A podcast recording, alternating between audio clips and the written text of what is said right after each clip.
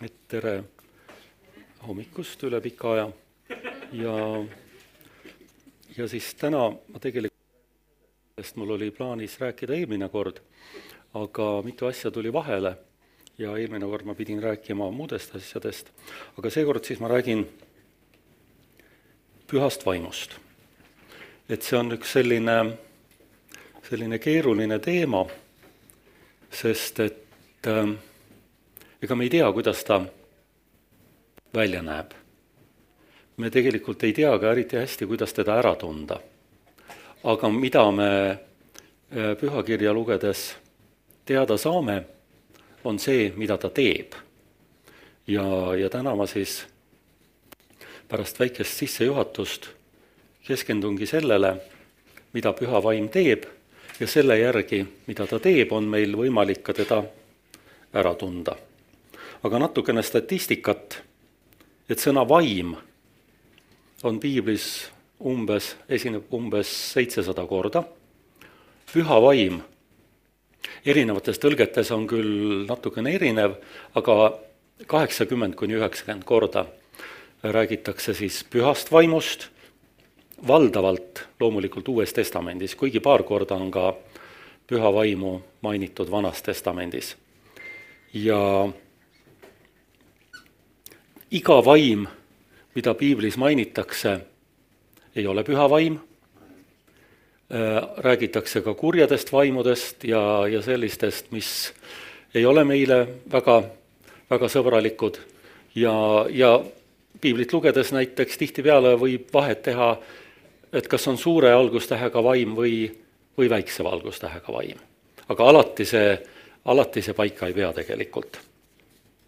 ja, ja selle püha vaimu mõiste asemel mõnikord kasutatakse ka selliseid eh, väljendeid nagu eluhingus ja hingeõhk, Jumala hingeõhk.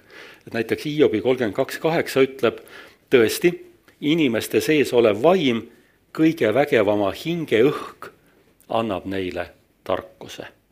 et Jumala, Jumala hingus. ja kui piibel räägib kolmainsusest siis äh, püha vaim on üks äh, Jumala kolmest isikust, on siis isa, poeg ja, ja püha vaim. ja, ja tegelikult sellist mõistet nagu kolmainsus piiblis ei ole. ei ole sellist sõna olemas nagu kolmainsus. aga esimese Johannese kiri viies peatükk räägib tunnistajatest on tun-, kolm tunnistajat ja esimese Johannese viis seitse ütleb, jah, tunnistajaid on kolm, vaim, vesi ja veri, need kolm on üks. et siit tuleb tegelikult see püha kolmainsuse mõiste, need kolm on üks. ja vaim selles kirjakohas tähendab Jumalat, mitte püha vaimu, sest Jumal on vaim, vesi tähendab püha vaimu ja veri tähendab poega kes siis ristil suri. aga siit tuleb siis see kolmainsus ja, ja Jumala vaim on üks, üks nendest. ja see, et äh, me räägime ennekõike Uue Testamendi ajal pühast vaimust, see on ilmselge, sellepärast et, et kui Jeesus ristil suri, siis enne seda ta ütles, et see on hea, et ma ära lähen, et mina saadan teile trööstja. Ja sellest kaheksakümnest korrast, mis Uues Testamendis räägitakse pühast vaimust, nelikümmend korda on nimetatud Apostlite tegude raamatus. miks Apostlite tegude raamatus? see on koguduse algus. ja, ja see on noh, ütleme kiriku loos niivõrd äh, radikaalne muutus, et suure tõenäosusega Jumal nägi, et ega ilma püha vaimuta seal hakkama ei saa, ei ole niiviisi, et vennad tulevad kokku, teevad plaani ja siis ütlevad, teeme nüüd kiriku. ei, see oli tegelikult ikkagi, kõik käis püha vaimu, püha vaimu juhtimisel. ja, ja kui Vana-testamendi ajal püha vaim ütleme jah, ütleme püha vaim puudutas või, või mõjutas kolme gruppi inimesi, need olid preestrid, prohvetid ja kuningad, siis Uue Testamendi ajal on see kättesaadav kõikidele. ja, ja lihtsalt meelde tuleks, et tuletuseks, et prohvet Joeli raamatu kolmanda peatüki esimene salm ütleb ja pärast seda sünnib, et ma valan oma vaimu kõige liha peale, see tähendab, et kõikide inimeste peale, sa ei pea olema prohvet, sa ei pea olema kuningas, sa ei pea olema mingi eriliselt kutsutud inimene, sa oled tavaline inimene, ta ütleb kõige liha peale. siis teie pojad ja tütred hakkavad ennustama, teie vanemad uinuvad unenägusid nähes ja teie noored mehed näevad nägemusi. nii et äh, nagu siin prohvet Joel ütleb, pojad ja tütred, kui kellelgi on pojad ja tütred, siis need hakkavad ennustama. Teie vanemad uinuvad unenägusid nähes ja teie noored mehed näevad nägemusi ja sellele samale viitab siis ka Peetrus Apostlite tegude raamatu teises peatükis. et ta tsiteerib tegelikult seda, sedasama kirja kohta. aga nüüd siis, äh, mida, mida siis püha vaim teeb meie elus, mida, mida, mida Jumala vaim üldse teeb, vot see on natukene keeruline selles mõttes, et me räägime pühast vaimust, ennekõike Uue Testamendi kontekstis, Jumala vaimust kogu pühakirja kontekstis. tegemist on ühe ja sama vaimuga, aga tema töö erinevates olukordades on, on erinev. püha vaimu töö tänapäeval sinu elus on teistsugune kui Jumala vaimu ja, ja Jumala hingeõhu töö näiteks äh, siis, kui Jumal lõi inimese. et nad, need on natuke erinevad, aga tegemist on ühe ja sama vaimuga. aga Jumala vaim annab elu. ja Jumala vaimu puudumisel elu lõpeb. ja, ja siin on mõned kirjakohad, mida ma tahan ette lugeda. esimese Moosese kaks seitse ütleb, ja issand Jumal valmistas inimese, kes põrm on, mullast, seal ei olnud veel elu, ja puhus tema ninasse eluhinguse nõnda sai inimene elavaks hingeks. nii et see savi ja värk, mida, mis ta kokku pani, eks ole ju, seal elu ei olnud, aga jumala hingeõhk andis sellele elu. Hiobi kolmkümmend kolm neli ütleb, jumala vaim on mind loonud ja kõige vägevam hingeõhk on andnud mulle elu.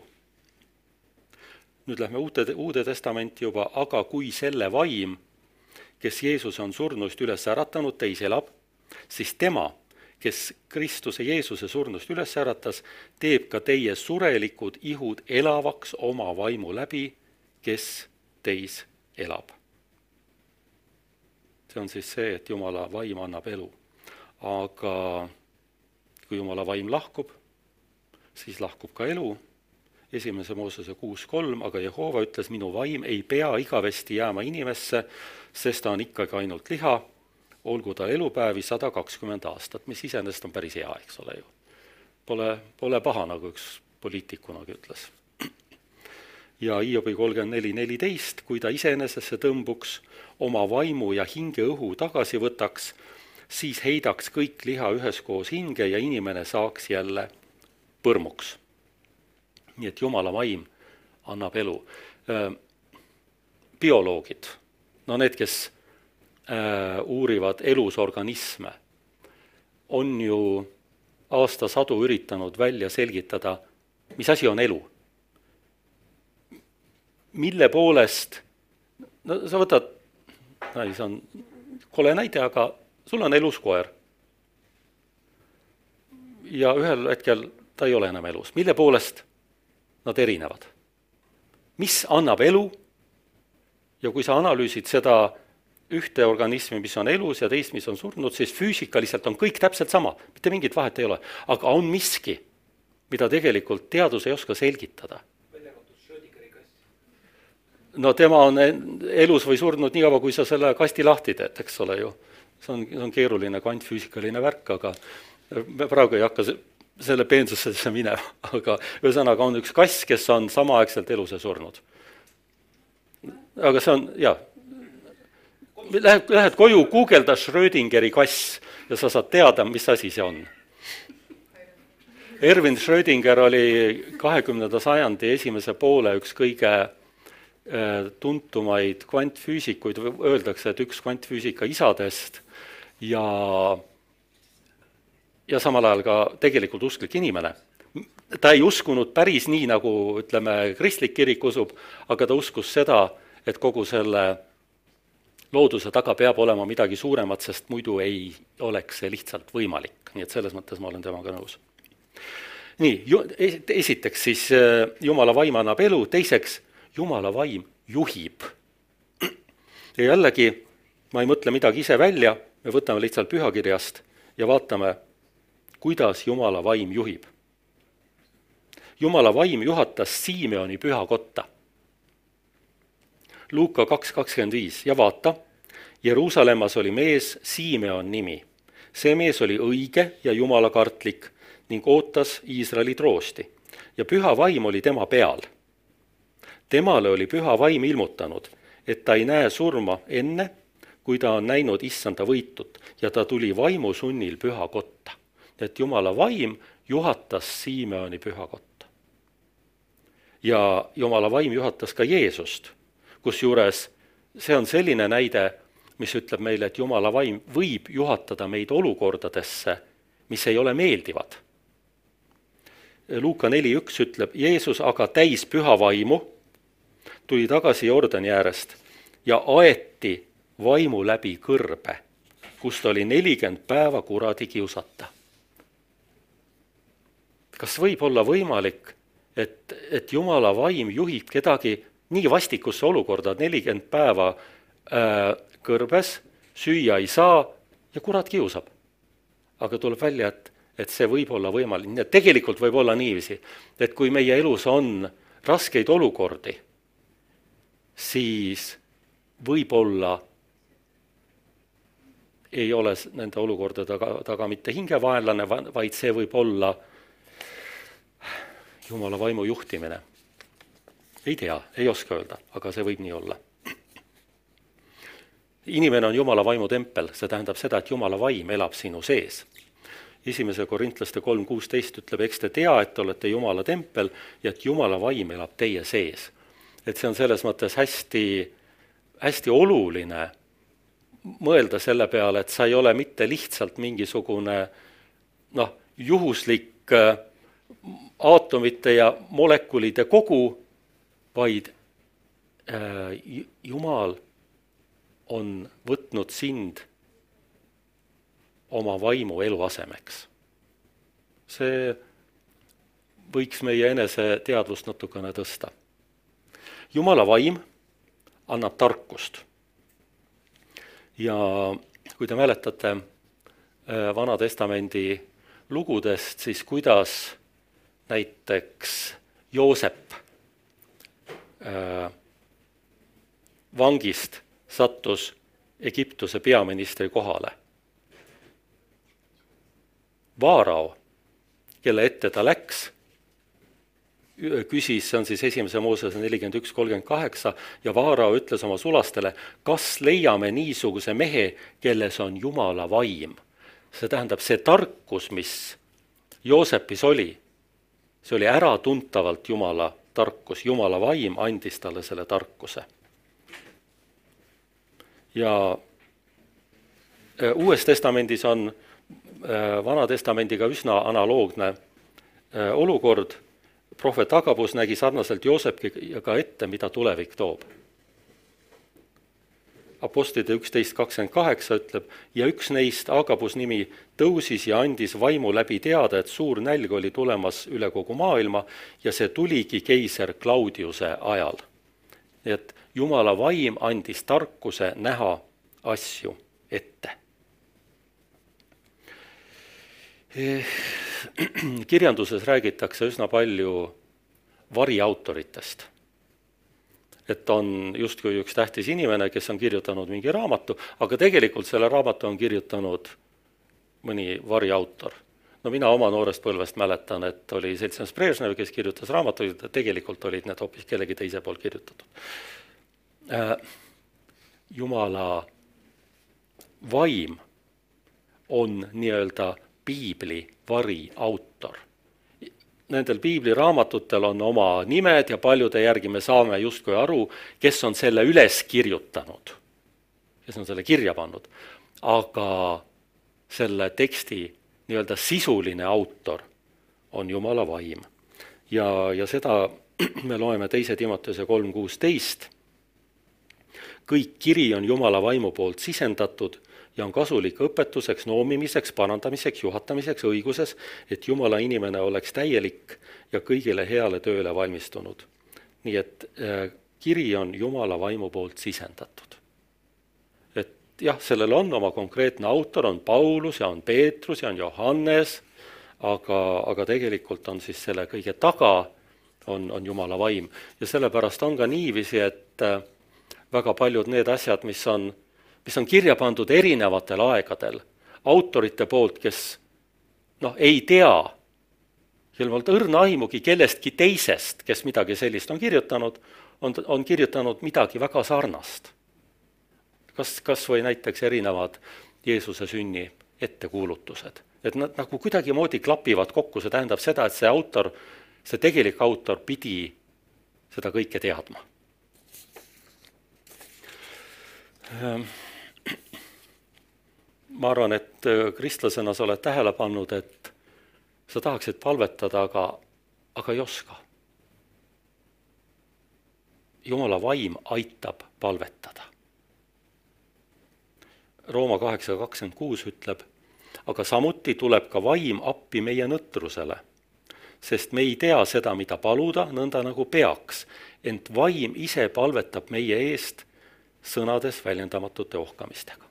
nii et kui sina ei tea, kuidas, kelle eest, mida palvetada, siis tegelikult Jumala äh, püha vaim kompenseerib selle, mis sinul puudu on.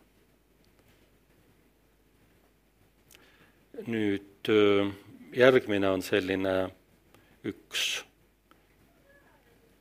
noh, võib-olla kindlamaid tunnuseid selle kohta, et Jumala vaim sinu elus tegutseb, need on vaimuanded. piibel räägib vaimuannetest ja esimese korintlaste kaksteist seitse ütleb, aga igaühele antakse vaimu ilmutus ühiseks kasuks. nii antakse ühele vaimu läbi tarkuse sõna, teisele tunnetuse sõna sama vaimu kaudu, teisele antakse usku samas vaimus, teisele andeid terveks teha samas vaimus, teisele vägevaid tegusid teisele prohvetlikku kuulutamist, teisele vaimude äratundmist, teisele mõnesuguste keelte kõnelemist, teisele keelte tõlgitsemist, ent seda kõike teeb üks ja sama vaim, jagada igaühele eriti nõnda, nagu tema tahab. nii et äh, vaimuanded on need, mille kaudu Jumala vaim noh, ütleme jah, ilmutab ennast või, või tegutseb inimeses vaim lohutab ja õpetab. minu piiblitõlkes on kasutatud sellist sõna nagu trööstib, tänapäeva noored inimesed ei tea, mida tähendab trööstima. aga see tähendabki lohutamist. sina tead? Ah. Okay.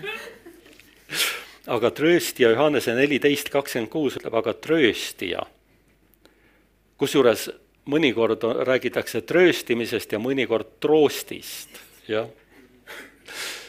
aga trööst ja püha vaim, kelle minu isa läkitab minu nimel, see õpetab teile kõik ja tuletab teile meelde kõik, mis mina olen öelnud, nii et ta lohutab, see trööstimine võib tähendada ka julgustamist ja õpetamist. vaimu läbi avaldub Jumala armastus. Rooma viis viis ütleb aga lootus ei jäta häbisse, sest Jumala armastus on välja valatud meie südameisse püha vaimu läbi, kes meile on antud. et meil on, meil on hästi lihtne armastada meile armsaid inimesi. aga kui on sellised inimesed, kes justkui ei ole väga armsad või otse vastupidi, siis ilma Jumala armuta, ilma Jumala vaimuta ei ole võimalik neid, neid armastada aga Jumal tahab, et me seda teeme ja kui on sellised olukorrad, siis me peame lihtsalt Jumala vaimu appi kutsuma. nüüd üks äh, asi, millest me rääkisime ka eelmine kord, jumala vaim annab väe ja armastuse ja mõistliku meele. teise Timotuse üks seitse ütleb, sest Jumal ei ole meile andnud arguse vaimu, vaid väe ja armastuse ja mõistliku meele vaimu. Jumala vaim annab lootuse. selles maailmas, kus me praegu elame äh,, hästi tihti kipub lootus ära kaduma. kõik see, mida me ajalehest loeme, raadiost kuuleme, telekast näeme, kui sa hakka, hakkad neid uudiseid ikkagi järjest vaatama, siis mõtleme, et täitsa nagu ongi läbi. ühel hommikul, kas oli eelmine või, või üle-eelmine nädal, oli pühapäeva hommikuti on selline saade nagu Hommik Anuga. Anu on üks ajakirjanik.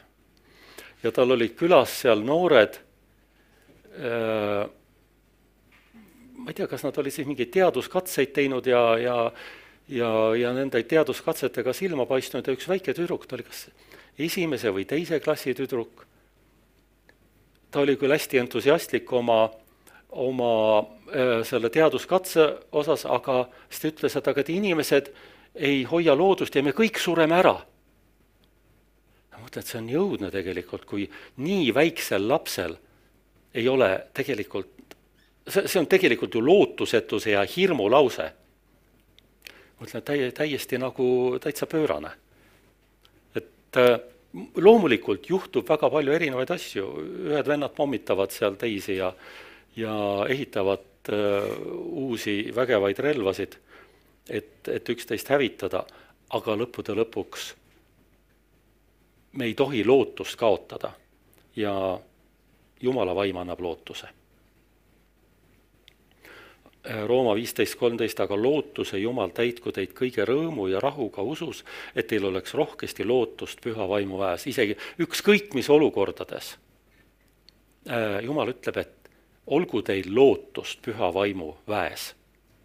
et kui sa, kui sa oled oma elus jõudnud sellisesse olukorda, sa näed, et üldse lootust ei ole, tuleb välja, et siis püha vaim annab sulle lootust. ja, ja tegelikult annabki. kui sa, kui sa temasse usud ja pühakiri ütleb, paluge ja teile antakse. palu seda ja ta annab teile. Äh, jumala vaim teeb sind võimeliseks tegema Jumala riigi tööd. ka seda ei saa teha ilma püha vaimuta. ja, ja väga hea kirjakoht selleks on prohvet Jesaja raamatu kuuskümmend üks üks, mida ka Jeesus on hiljem tsiteerinud. issanda Jehova vaim on minu peal. ta ütleb, et Jehova vaim on minu peal ja mida nüüd see vaim teeb? sest Jehova on mind võidnud, ta on mind läkitanud viima rõõmusõnumit alandlikele sa ei saa viia rõõmusõnumit ilma Jumala vaimuta. parandama neid, kel murtud süda, kuulutama vabastust vangidele, avama pimedate silmi, kuulutama Jehova meelepärast aastat ja meie Jumala kättemaksupäeva, trööstima kõiki leinajaid, tasuma Sioni leinajaile, andes neile laubaehte tuha asemele, rõõmuõli leina asemele, ülistusrüü kustuva vaimu asemele et neid nimetatakse õigluse tammedeks, Jehova istanduseks, millega ta ennast ehib. et, et ka see kõik, mida me teeme noh, nii-öelda oma nii-öelda kristlikus elus ja kuulutustöös, seda ei ole võimalik teha ilma Jumala vaimuta. üks väga huvitav asi, mille ma leidsin, on see, et Jumala vaim võib sul keelata millegi tegemise või takistada su plaanide elluviimist isegi juhul, kui need pealtnäha on kristlikud ja eesmärk on õilis. ja, ja sellest on näide Apostlite tegude raamatus, Apostlite kuusteist kuus, ja nemad käisid läbi Früügia ja Galaatia maa. sest püha vaim oli neid keelanud sõna rääkimast Aasias. täitsa kummaline, eks ole ju, Aasias on uskmatud vennad otsustavad, et nemad lähevad Aasiasse sõna kuulutama, aga püha vaim ütleb, ei lähe. nii et võib juhtuda, et jumala vaim paneb, ei tea, mis, ei tea, mis põhjusel, aga ta paneb käe ette ja ei lase. see on tema plaan, ta teeb seda nii, kuidas tema tahab. aga, aga võib juhtuda nii see, et ta ei lase sul seda teha. jõudes Müüsiani, üritasid nad matkata Bitüüniasse, kuid Jeesuse vaim ei lasknud neid mitte. Nii et pani käe ette, nii et võib juhtuda niiviisi, et sa, et sa teed, sul on mingi plaan, sa tahad minna kuulutama, aga sind ei lasta. ja see ei pruugi olla hingevaenlase töö, vaid jumala vaim võib sind takistada jumala vaim annab vabaduse. teise Korintuse kolm seitseteist ütleb, sest issand on vaim ja kus on issanda vaim, seal on vabadus. Ja jumala vaim annab selguse selle olukorra kohta, milles sa, milles sa elad. üks hea kirjakoht on Johannese kuusteist seitse, aga mina ütlen teile tõtt, see tuleb teile heaks, et mina lähen ära sest kui ma ei läheks, ei tuleks trööstija teie juurde. aga kui ma lähen, siis ma läkitan tema teie juurde. ja kui ta tuleb, siis ta toob maailmale selguse patu kohta ja õiguse kohta ja kohtu kohta. et jumala vaim annab selguse, sa saad nendest asjadest, mis sinu ümber toimuvad, sa saad nendest aru, sa mõistad, miks need nii, miks asjad niiviisi juhtuvad, nagu nad juhtuvad. Jumala vaim on nähtamatu, aga tegelikult on Jumala vaim ka käega katsutav ja füüsiliselt tajutav. see on väga huvitav. Johannese kuus kuuskümmend kolm ütleb, vaim on see, kes elustab, lihast ei ole mingit kasu, sõnad Jeesus ütleb siis, sõnad, mis ma teile olen rääkinud, on vaim ja elu. see tähendab, et Jumala sõna on Jumala vaim. Jumala sõna on Jumala elustav vaim. ja, ja seda, et Jumala sõna on loov, seda, kui sa hakkad piiblit päris algusest lugema, siis sa näed, et Jumal ütleb ja nii sünnib. Äh, nii et kui, kui on selline tunne, et sa ei ole saanud ühtegi ilmutust, inglid ei ole tulnud ja sulle pannud kätt otsa ette, sa ei ole leviteerinud kuskil ja ma ei hakka seda selgitama, aga, aga ühesõnaga äh, ei ole ilmutust saanud, ei ole ingel mõõgaga mees ei ole tulnud ja ei ole sulle ilmutanud midagi, siis tegelikult kõige suurem ilmutus on pühakirja tekst. sest Jeesus ütleb, et sõnad, mis ma teile olen rääkinud, on vaim ja elu. see, see tulebki sealt. muidugi on tore näha ilmutusi, näha unenägusid, saada jah, võib-olla siin inglitega jutu peale kuskil, aga, aga jumala sõna on kõige tähtsam. ja seda, et äh, jumala sõna on loov, psalm kolmkümmend kolm kuus ütleb Jehova sõnaga on tehtud taevad ja tema suu vaimuga kõik nende väed. et äh, mida siis teha, et Jumala vaim sind juhiks? et äh, tegelikult ei ole siin mitte midagi keerulist. kõigepealt tuleks lugeda Jumala sõna ja usaldada Jumala vaimu. Johannese kolm viis ütleb niiviisi. tõesti, tõesti, ma ütlen sulle, kui keegi ei sünni veest ja vaimust, ei või ta Jumala riiki pääseda.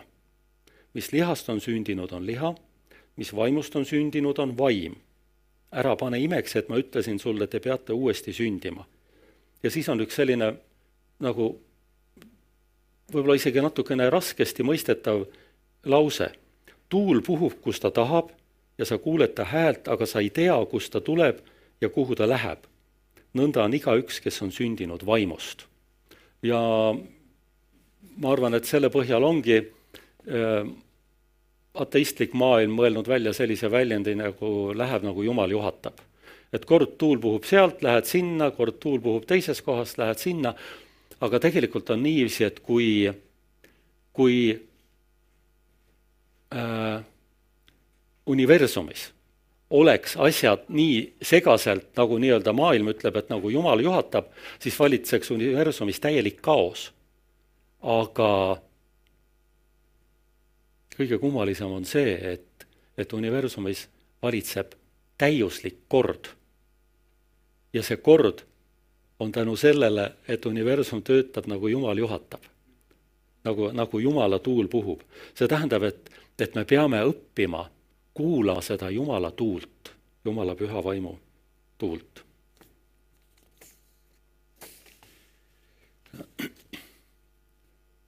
kas, kas sa leiad piiblist kõikidele oma küsimustele vastused? mõni ütleb, et leiab kindlasti. aga, aga tegelikult ei leia ja jällegi noh, et asja natukene mustvalgelt esile tuua, siis noh, kõigepealt ma mõtlesin meie ülistusgrupi peale. et äh, piibel räägib erinevatest pillidest, millega Jumalat ülistatakse ma loetlen teile siis, mis pillid need on. sarv, pasun, trumm, kannel, naabel, vile, käristi, simbel, harf, torupill ja keelpill. aga nüüd ja no vot, jah, käristi, meil ei ole ühtegi käristit. Jah, aga, aga tekib küsimus, et kas ülistusansamblis võib kasutada süntesaatorit? no klaver on veel keelpill, klaver on sisult keelpill, okei okay,, see läheb sinna alla, aga süntesaator, mingi elektrivärk, ja, ja kui vaadata kristliku muusika ajalukku, siis ühe, ühel perioodil ju arvati, et Jumalat tohib ülistada ainult inimhäälega. ja kui tulid orelid, siis, siis see oli täiesti saatanast. ja muide, kui tulid äh, kristlikud kitarriansamblid, siis ikkagi mõned jooksid nendest mööda, noh, eemale nagu, nagu mingist saatana sigidikest. kujutad ette, nad ülistavad Jumalat kitarriga, täitsa õudne nii et tegelikult ega, ega pühakiri ei anna meile äh, vastust, see tähendab seda, et me peame ise otsustama. ja võib-olla pastoritelt ma küsiksin, kas äh, inimene võib minna jumalateenistusele pruuni pintsakuga? kui sul on selline küsimus, sa loed piibli läbi, sa ei saa vastust. ei ole, piibel ei ütle, kas võib panna pruuni pintsaku selga või või veel enam, kas sa tohid rohelise kleidiga tulla näiteks, suveaeg, tahad panna rohelise kleidi, mõtled, kas pühakiri lubab? piibel ei vasta. no Heigo teab seda lugu. kas kristlane tohib jalgrattaga sõita?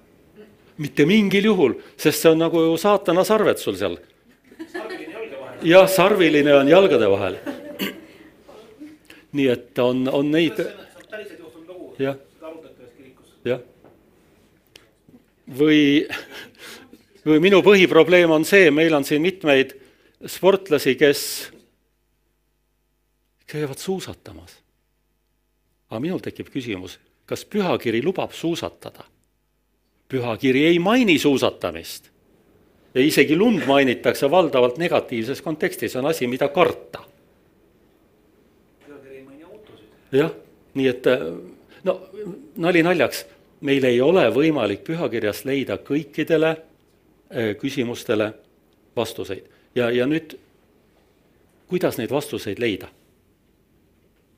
Äh, Paulusel oli ükskord küsimus, et tähendab, ta, ta pidi selgitama, kes võiks abielluda ja kes ei peaks abielluma. ja siin on selline arutelu, esimese korintlaste seitse et Paulus arutleb selle üle, et kas abielluda või mitte, ta ütleb, et parem on mitte abielluda, aga kes tahab, võib abielluda. parem on mitte abielluda, aga kes tahab, võib abielluda.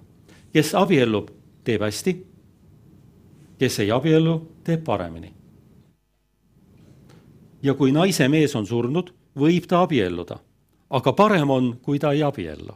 no võta kinni nüüd, mida teha siis, kas abielluda või mitte. ja ta ütleb niiviisi, aga ta on õndsam, kui ta jääb nii, nagu on. ja siis ta ütleb, see on minu arvamine, ent ma mõtlen, et minulgi on Jumala vaim.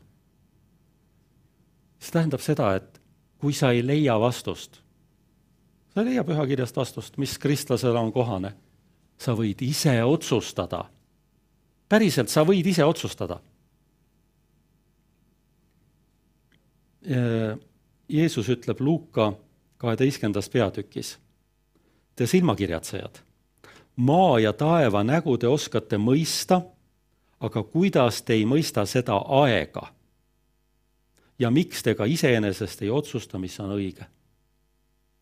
et tegelikult meil on pühakiri, meil on Jumala vaim ja siis oled sina kellel on tegelikult õigus otsustada oma elu asju. ja sa võid küsida, et mis siis juhtub, kui ma valesti otsustan. mitte kunagi, mitte kellegagi ei ole elus olnud niiviisi, et ta oleks kõik asjad ainult õigesti otsustanud. mõnikord me otsustame valesti, võib-olla näiteks mõne nädala pärast sulle tundub, et sa andsid oma hääle vale inimese eest no ja mis siis? tühja sellest häälest. selliseid asju võib olla väga palju, et täna sulle tundub see otsus õige, sa teed selle ära, aga mõne päeva pärast näib, et, et see otsus oli vale. lase lahti, las läheb, järgmine kord proovid õigesti otsustada, proovid paremini otsustada, proovid paremini kaaluda. loomulikult tasub nende asjade pärast palvetada, mis on olulised, aga, aga tegelikult ei tohi karta valesti otsustada ei tohi karta valesti teha. väga tihti valed otsused juhatavad meid õigele teele. Et ei ole vaja, ei ole vaja põdeda. kui ei tea, mida teha, otsusta ära. kõige halvem otsus on mitteotsustamine. ja, ja lõpuks küsime siis seda, et kuidas elada vaimus. ja Rooma kaheksa räägib meile elust vaimus. Sest kes elavad liha järgi, nende meel on suunatud lihalikele asjadele, aga kes elavad vaimu järgi, neil vaimsetele asjadele. et äh, lihalikud asjad ja vaimsed asjad äh, sellest kirjakohast lähtuvalt võib ju isegi arvata, et sa peaksid tegelema ainult vaimsete asjadega ja mitte tegelema lihalike asjadega. ka see ei ole võimalik, sellepärast et sa oled ise füüsiline isik ja kui sa otsustad, et sa tahad oma elus tegeleda ainult vaimsete asjadega, siis sa peaksid sellest elust lahkuma. Jeesus ütleb meile Mattuse kuus kolmkümmend kolm, ent otsige esiti Jumala riiki, see tähendab, et tegelge vaimsete asjadega ja mida ta siis ütleb? otsige esiti Jumala riiki ja tema õigust, siis seda kõike antakse teile pealegi. see kõik, millele siin viidatakse, on materiaalsed asjad et ei ole niiviisi, et kui sa oled kristlane, siis sa tohid teha ainult neid asju, mis on nagu ülivaimulikud. palvetad, paastud, ma ei tea, mis veel. sa tegelikult pead oma normaalset elu elama. seda kõike antakse teile peale, see kõik, mis meil, mida on meil vaja selles maailmas elamiseks, see antakse pealegi. ja elu vaimus tähendab tegelikult vaimu vilju.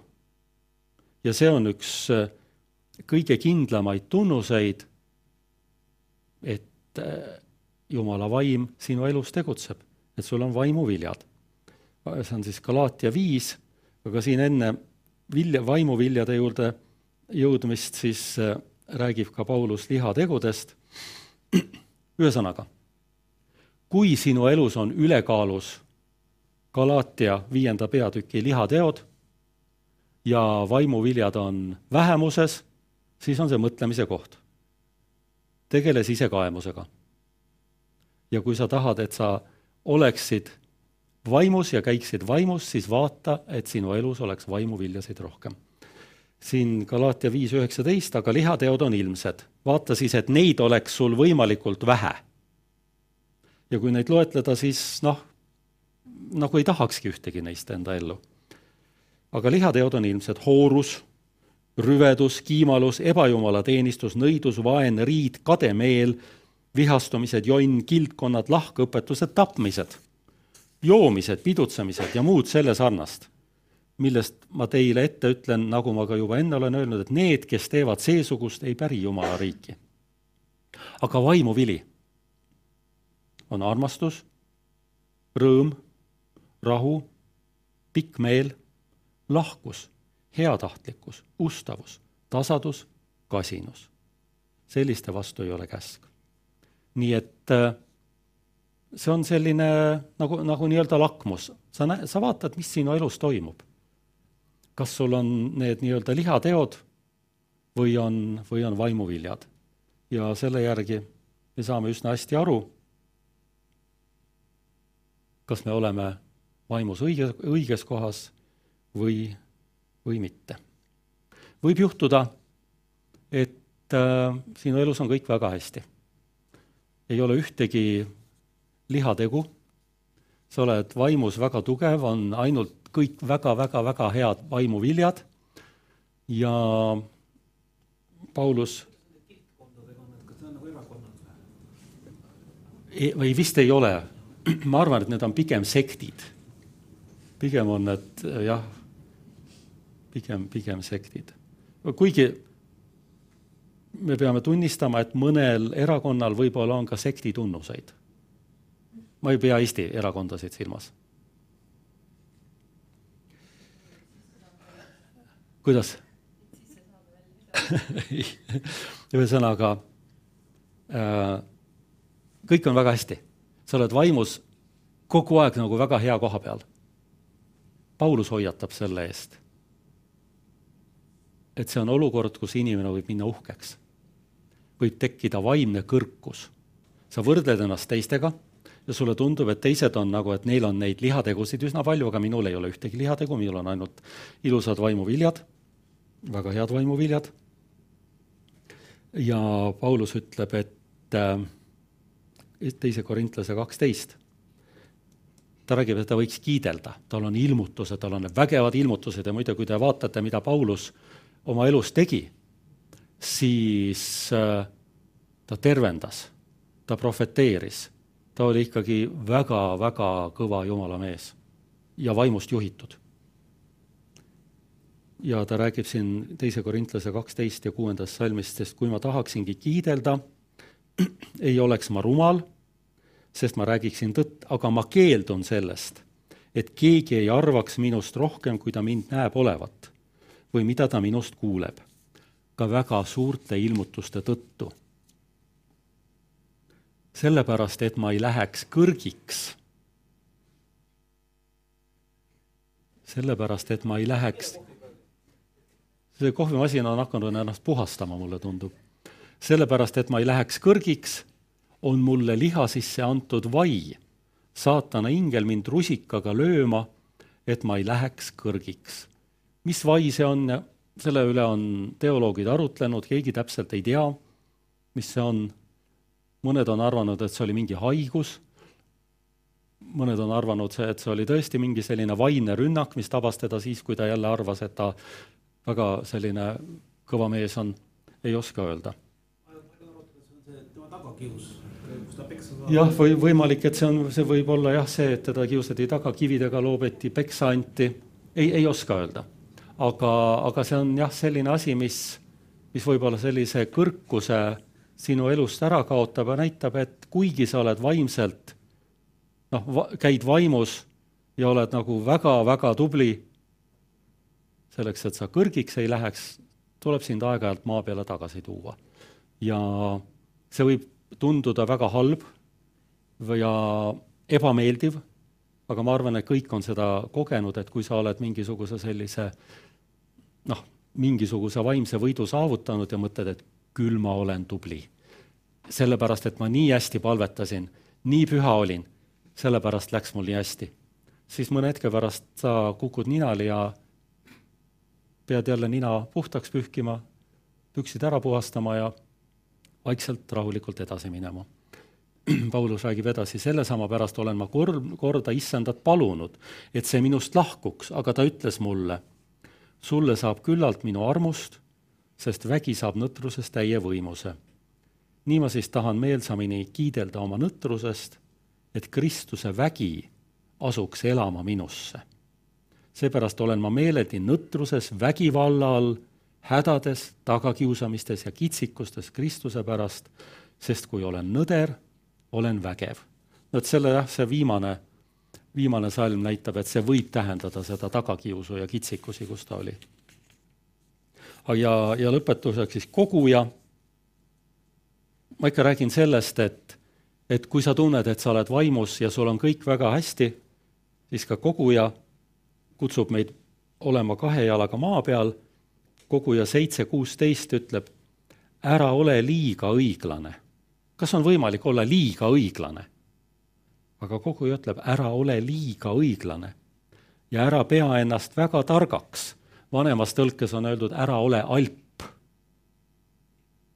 miks peaksid ennast hävitama?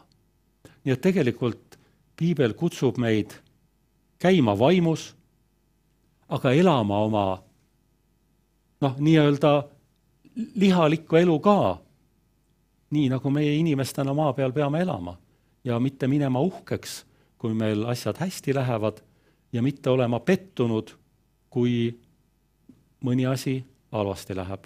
ja kõige olulisem on siis see, et vaatame, mis meie elus on ülekaalus, kas lihateod või vaimuviljad. Ja siis ongi kõik tänaseks